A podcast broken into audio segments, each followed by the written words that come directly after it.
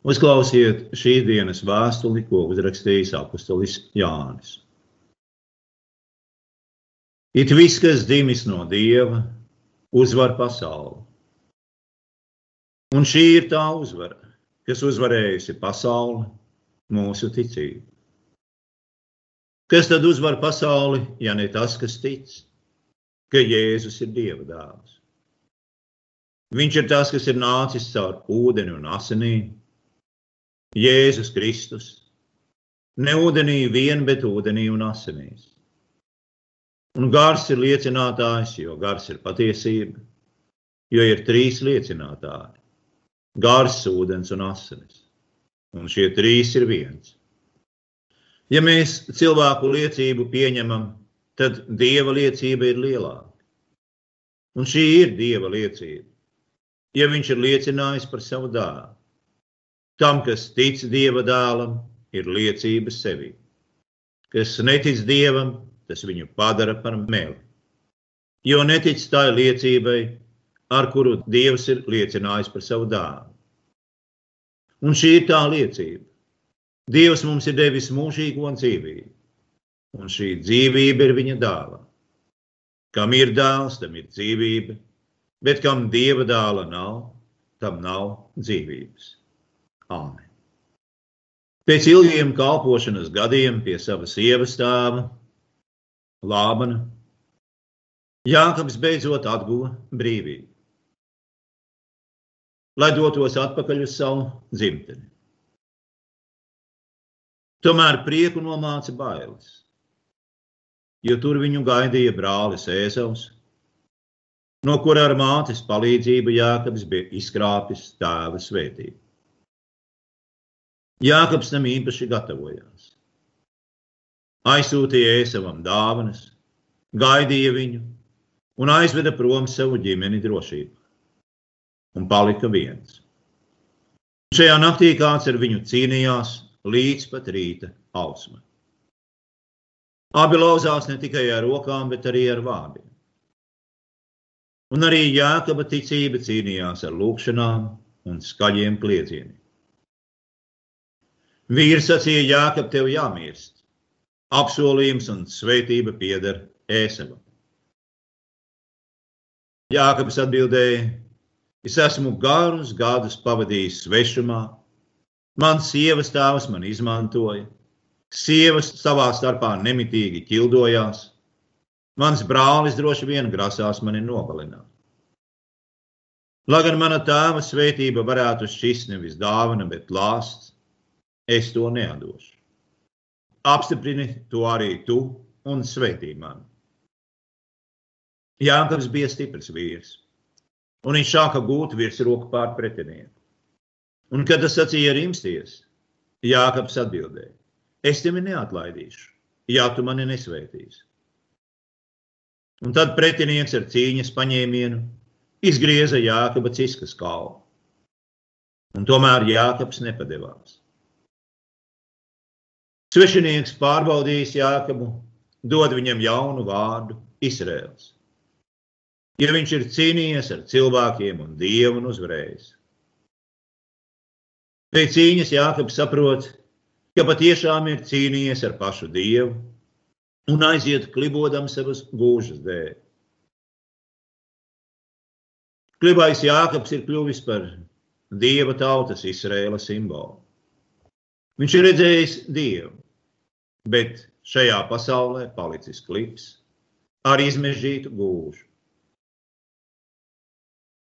Lai gan teksts ir grūts un visas tā detaļas nav viegli saprotamas, garīgais notikuma saturs, pamācība mums ir skaidra. Ar savām lūkšanām mums ticībā jāstājās pretī Dievam, ja viņš šķietami negrib mūs svētīt, un jācīnās līdz uzvarai. Līdzīgi kā to darīja, piemēram, kanāniešu sieva, izlūdzoties svētību savai meitai no Jēzus.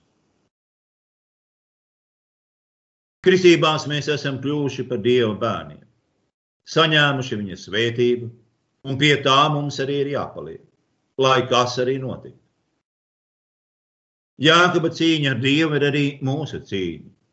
un garīgu pārbaudījumu brīžos, dvēseles ciešanās un sāpēs, kas dieva ļaudīm ir jāpiedzīvo šajā pasaulē. Turklāt evanģēlis Jānis saka, ka mums ir jācīnās arī pret pasauli un jāuzvar arī to.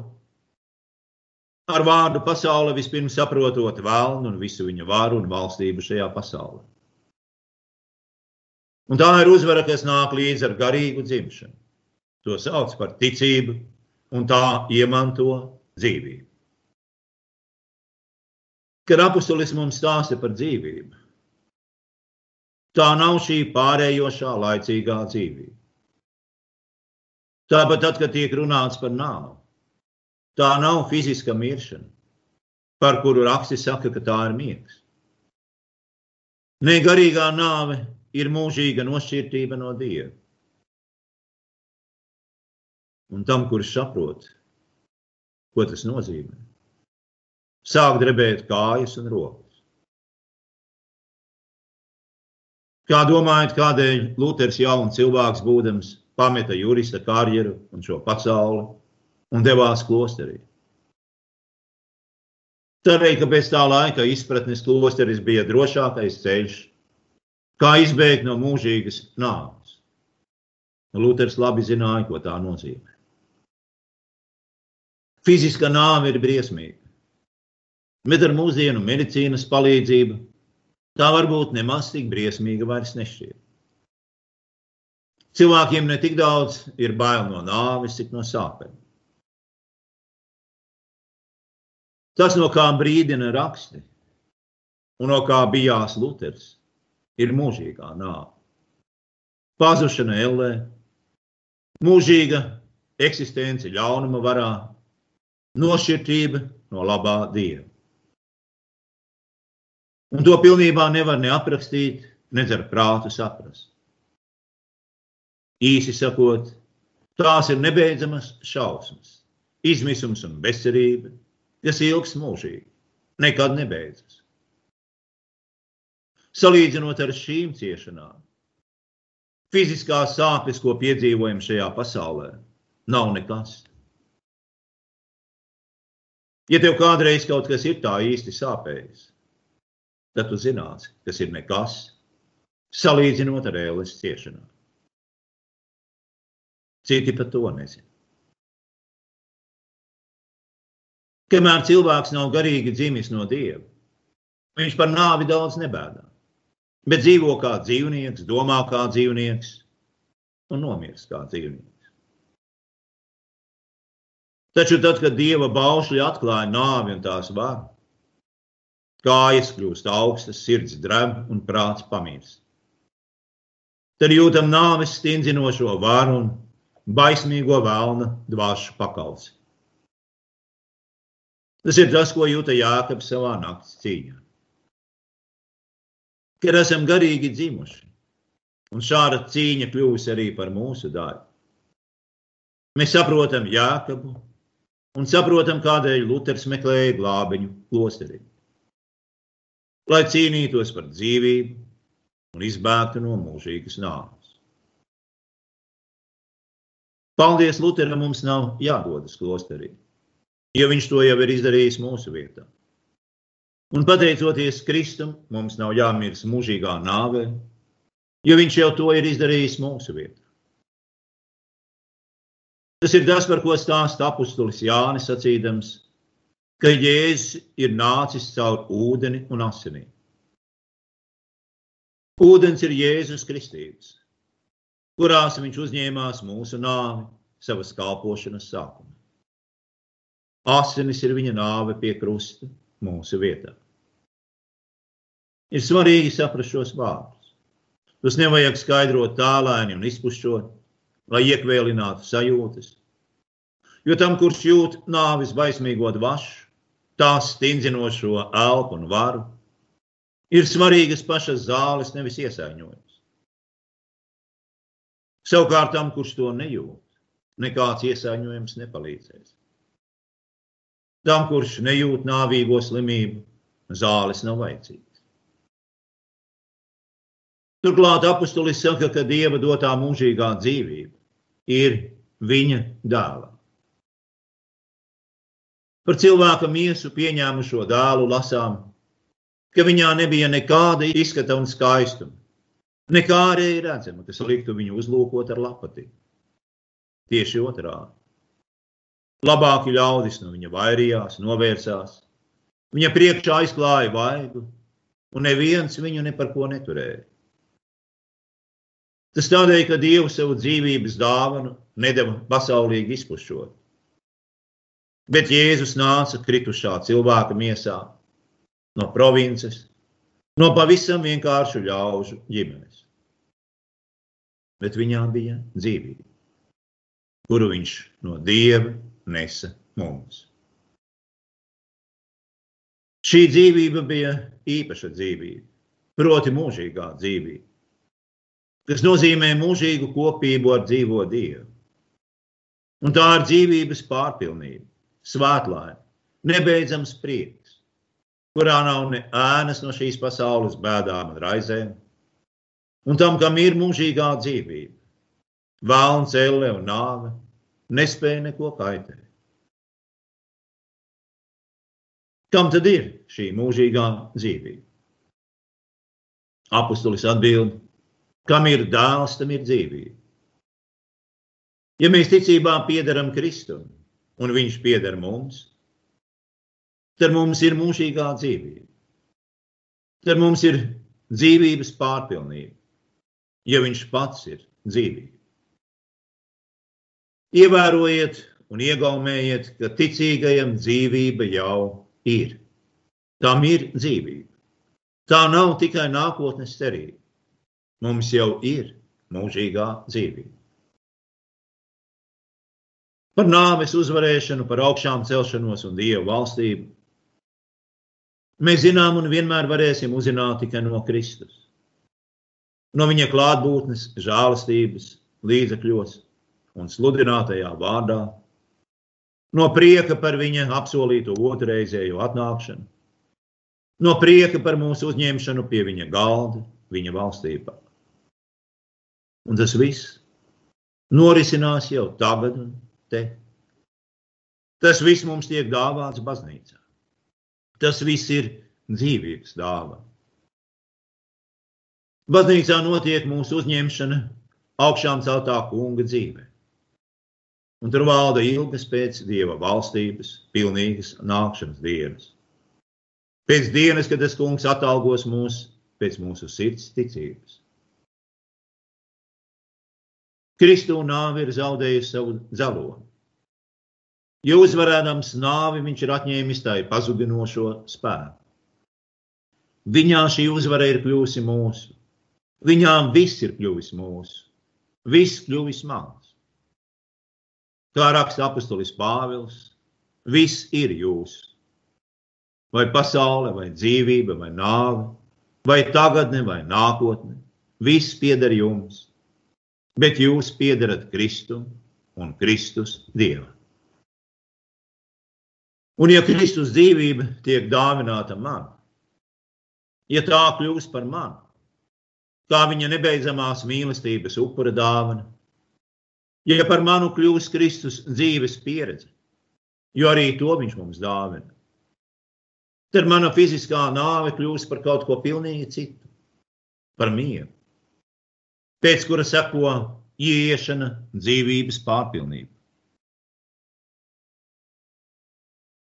Mēs nezinām, kad pienāks un kā notiks šis pēdējais visa piepildījums Dievā. Mums nekas nav zināms par kādu un kā, taču mēs zinām, ka Kristū jau ir sākušies, jau notiek. Arī mūsu augšām celšanās svētki, mūsu pāriešana un pārtapšana Dieva valstībā. Tādēļ ticīgā cilvēka dzīve jau ir caurstrāvota ar augšām celšanās gaisu, tās mieru un prieku svētajām garām. Jo Kristus ir augšām cēlies, un viņš ir dzīvība, mūžīga dzīvība, Dieva dāvana mums. Arī pretējais ir patiesa. Kam dāla nav, tam nav dzīvības. Visi šīs pasaules centieni, reliģiskos ieskaitot, kas nav Kristū, lai cik ārēji skaisti un iespaidīgi tie šķiet, ir nolemti nāvi, pakļauti iznīcības varai. Un nekur to neredz tik skaidri kā bērēs. Neticīgs cilvēks tiek pavadīts ar salds, sērīgām runām, asarām un viņa darbu uzskaitību. Tomēr ikvienam ir pilnīgi skaidrs, ka starp viņa darbiem šo pasauli un aizgājēju ir nepārvarams bezdibenis. Turpretī kristiešu bērēs. Mēs dzirdam, ka aizgājējs ir aizmidzis. Viņš dus no savas darbošanās, un viņa darbi to pavada. Viņš ne tikai pats nav iznīcībai nolēmts, bet kopā ar viņu arī viņa darbi tiks uzņemti debesīs. Bet tas vēl nav pats galvenais. Pats galvenais, kas mums tiek sacīts, ir, ka mēs vienmēr būsim pie tā kunga, un pat nāve mūs nespēs šķirt. Mēs būsim kopā ar to kungu vienmēr. Un kas gan vēl mums būtu jāsaka? Šajos vārdos taču pateikts viss par dzīvību un nāvi, par mūsu katra mūžīgo dzīvību. Un šie vārdi nav kaut kāds skaidrojums vai izklāsts, bet tas ir prieka vēstījums, evaņģēlijs, prieka vēsts. Kristus augšām celšanās svētku gaisma un spēks. Šajos vārdos tiek svinēta uzvara pār nāvi, smejoties tai tieši sejā. Nāve, kur ir tava uzvara, nāve, kur ir tavs zalots. Viss, kas notiek baznīcā, ir vai nu vērsts uz dzīvību, vai arī pati dzīvība tur tiek dota. Tie ir dzīvības mīlestība, pateicības mīlestība vārdi, kurus dzied un bauda baznīca un tās ticīgie. Tā ir kristība, tie ir grēku piedošanas vārdi, no kuriem baznīca dzīvo. Vārdi, kas liecina, ka nāve ir aprīta uzvarā. Nāve ir grēka alga. Bet tā vairs nav alga tiem, kuriem pēc Kristus pavēles un apsolījuma grēki ir piedoti. Šo ļaužu alga ir pilnīgi cita - mūžīgā dzīvība. Un, lai gan šajā pasaulē mēs vēl cīnāmies, kā jēkabs, lai gan šī cīņa padara mūs klibus šīs pasaules gaitās, tomēr mēs kopā ar apustuli varam gavilējoši saukt Paldies Dievam, kas mums uzvaru devis Jēzu Kristu. Jā, mums jau ir uzvara. Jā, mums jau ir mūžīgā dzīvība. Jā, mums jau ir viss, jo viss jau pieder mums, un mēs piederam Kristum un Kristus Dievam. Ko tas nozīmē? Ko nozīmē piederēt Kristum? Daudz ko. Bet galvenais ir šis Mēs no nāves esam iegājuši dzīvībā, un neviens mūs vairs nevarēs izraut no Kristus rokām. Āmen!